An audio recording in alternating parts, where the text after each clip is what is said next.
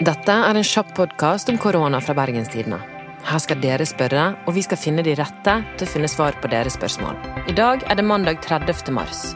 Mitt navn er Anna Magnus. Produsent og kollega Henrik Svanevik, hva er det folk lurer på i dag? Nå er jo verden i en veldig uvanlig og sårbar økonomisk situasjon. Og det kommer tiltakspakker i flere land, og folk lurer litt på hvor kommer disse pengene fra, og hvem er det som skal betale for dette?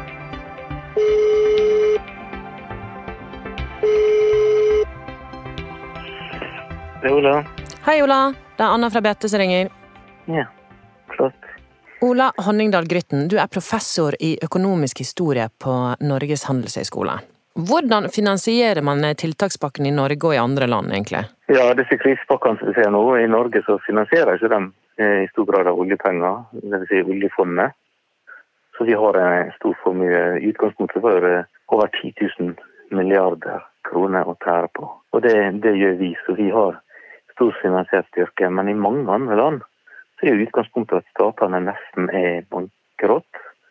De sliter etter finanskrisa. Så de har i grunnen ikke noe særlig å finansiere med, så de låner penger. Noe som de egentlig ikke har råd til i det hele tatt. Så, så det de egentlig gjør i mange land, er at statene driver og gir vekk penger de ikke har. Betyr det at man begynner å trykke opp flere penger? Ja, det, det vil si at eh, det, det som skjer nå, er at gjelds byrden hos mange øker, da øker etterspørselen etter penger.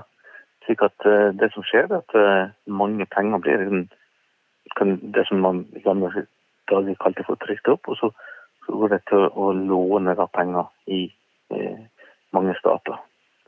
Altså man låner penger fra andre land?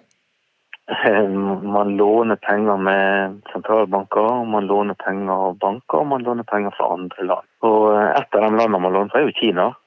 Kina er jo i likhet med Norge har en kjempeformue. Og Kina er nå villig til å låne ut penger til andre for at de skal kunne løse krisa på best mulig måte. Og Det betyr at Kina blir enda viktigere for mange land, slik at Kina får enda større økonomisk makt og politisk makt. Så hele greia er absurd. Eh, mange stater bevilger penger de ikke har, må låne penger av Kina der koronaen kommer fra.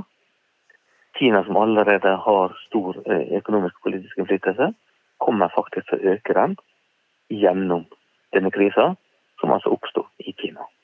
Mm. Sånn som USA, de vedtok en tiltakspakke på over 2000 milliarder dollar. Og de har jo allerede masse utenlandsgjeld.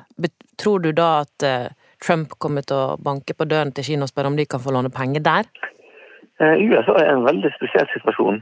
Fordi at i USA låner stort sett penger i, i dollar som finnes andre plasser i verden. Eh, og USA er også i den heldige situasjonen at dollaren er en nøkkelvaluta. Så om de eh, øker pengemengden og trykker penger, så vil faktisk dollaren falle i verdi etter hvert.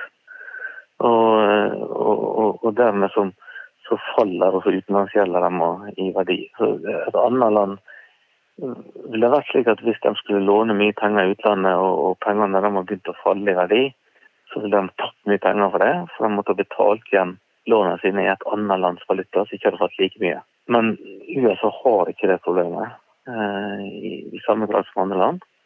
Eh, om, om, dollaren faller i verdi, så faller også gjelda dem i verdi. Ja, Hva betyr dette i praksis, da? Nei, USA har større handlerom enn de fleste andre. USA kan kan ha større underskudd. En kan ha større gjeld. Hvorfor det?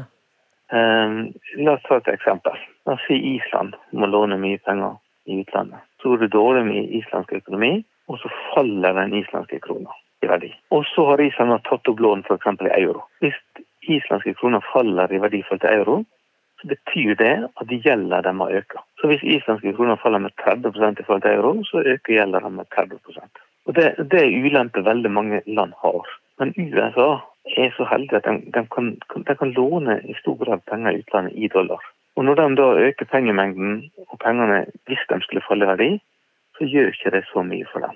I tillegg så, så vet vi at USA fremdeles har dollaren som verdens nøkkelvaluta. Det er en enorm tillit til USA. Og til syvende og sist ingen kan kreve en ubetalt gjeld fra USA. Hva skal vi da gjøre? Skal vi sende politiet på dem? Skal vi sende Securitas eller en namsmann? Nei, det går egentlig ikke an. Så USA vet at de er i særegen stilling. de har større handlefrihet enn de aller fleste av oss. Slik at når Trump, og ikke bare han, Kongressen i USA eh, pøser ut penger, så vet de at de trenger ikke være like forsiktige som i mange andre land. Så de kan tørre å bruke mer penger enn andre, f.eks.? Ja, det kan de. Men det går jo en grense for dem. Altså for hvis de skal fortsette å bruke bruke penger, så vil det bli sterk inflasjon, og pengene blir mindre verdt. Men samtidig da, så har de valgt en annen strategi enn mange andre plasser. For i Europa så har vi valgt å stenge ned økonomien. Hva betyr det? Ja, altså man stenger fabrikker, man stenger skoler, man stenger reiseliv. Og man stenger frisørsalonger, og man stenger ned hotell og det aller meste. Det opplever på en eller annen måte nedstenging. Og når man gjør det, så er det slik at da har ikke vi produksjon. Og det er ikke hjelp i hvor mye penger vi får hvis ikke vi produserer. Eh, I USA, delvis i Storbritannia og Sverige, som har valgt en, en annen strategi, og det er å holde næringslivet mer åpent. Slik at det skjer mer verdiskaping. Og dermed så får du på sikt den produksjonen som alle trenger. Og dermed så har du også større handlekraft til å bevilge penger, fordi at næringslivet går, du får skatteinntekter fra næringslivet, og man produserer. Mm. Mens i Norge og mange andre land så har vi valgt mer en total nedstenging, som gjør at produksjonen slutter.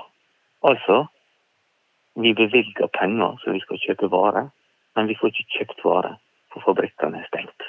Så hvis, hvis vi ser kun i et økonomisk perspektiv, så den strategien til eksempel USA, Storbritannia og Sverige, som på en måte ikke har en fullstendig lockdown som vi har i Norge og i andre land, så kan det godt være at vi kommer mer tapende ut enn de. Ja, sånn økonomisk, økonomisk sett så kan vi gjøre det. Men hva er ulempen med det de gjør?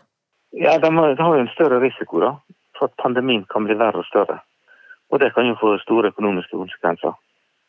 Så, så de, de, tar på en måte en, en, en risiko rent eh, sånn med hensyn på pandemien. Men vi tar jo en, en, større risiko med hensyn på å stenge økonomien så mye ned som vi gjør. Eh, men som sagt, i Norge er vi heldige. Vi sitter på en pengebinge. Men mange andre land gjør ikke det. Og kommer til å få et stort statlig gjeldskrise når dette er over. Alle disse pengene som ble brukt både i Norge og eh, i andre land, hvem er det som betaler for dem til slutt? Ja, til slutt må jo regninga betales. Og den kan komme på flere måter. Den kan komme som økte renter, den kan komme som økte priser, og den kan komme som økte skatter. Og alt det er jo det egentlig forbrukerne som betaler. Det er folket som betaler det. Vi i Norge har vel råd, men i en del fattigere land, så har de jo ikke så god råd. Så det er noe av det tragiske. Og en måte å gjøre denne regninga mindre på, det er jo ikke stenge ned produksjonen så mye som vi gjør. Hva tror du, hvis du skal se inn i spåkulen nå og se i årene fremover, hvilke konsekvenser vil dette ha for eh, vår økonomi og verdensøkonomien? Ja, Vi får forgjelda stater, vi får en del forgjelda bedrifter. Vi får banker som er mer risikoeksponert. Dermed så tror jeg at ja, når dette er over, så vil børsen ta seg relativt greit og raskt opp. Men en del næringer kommer til å slite, spesielt reiseliv. Og en del også industrinæringer kommer til å slite, fordi at det tar tid å begynne på med produksjon, og det tar tid å opparbeide markedet igjen. Og det betyr også at f.eks. folk som i disse dager er ferdig sin eh, utdannelse, kan få problem å finne arbeid, kan falle utenfor arbeidslivet en stund. Og, og, det har ofte vare konsekvenser. Da blir det vanskelig på sikt å komme seg inn i arbeidet. Så det å håpe at når dette tar slutt, er på hell, så ser myndighetene at nå må vi fremme produksjon. Nå må vi fremme verdiskaping. Veldig interessant, Ola. Tusen takk. Bare hyggelig. Vi er tilbake i måneden med et nytt spørsmål. Følg med på BT sin løpende koronadekning på bt.no. Mitt navn er Anna Magnus, og produsent var Henrik Svanevik. Lurer du på noe, send meg en e-post på anna.magnus.bt.no.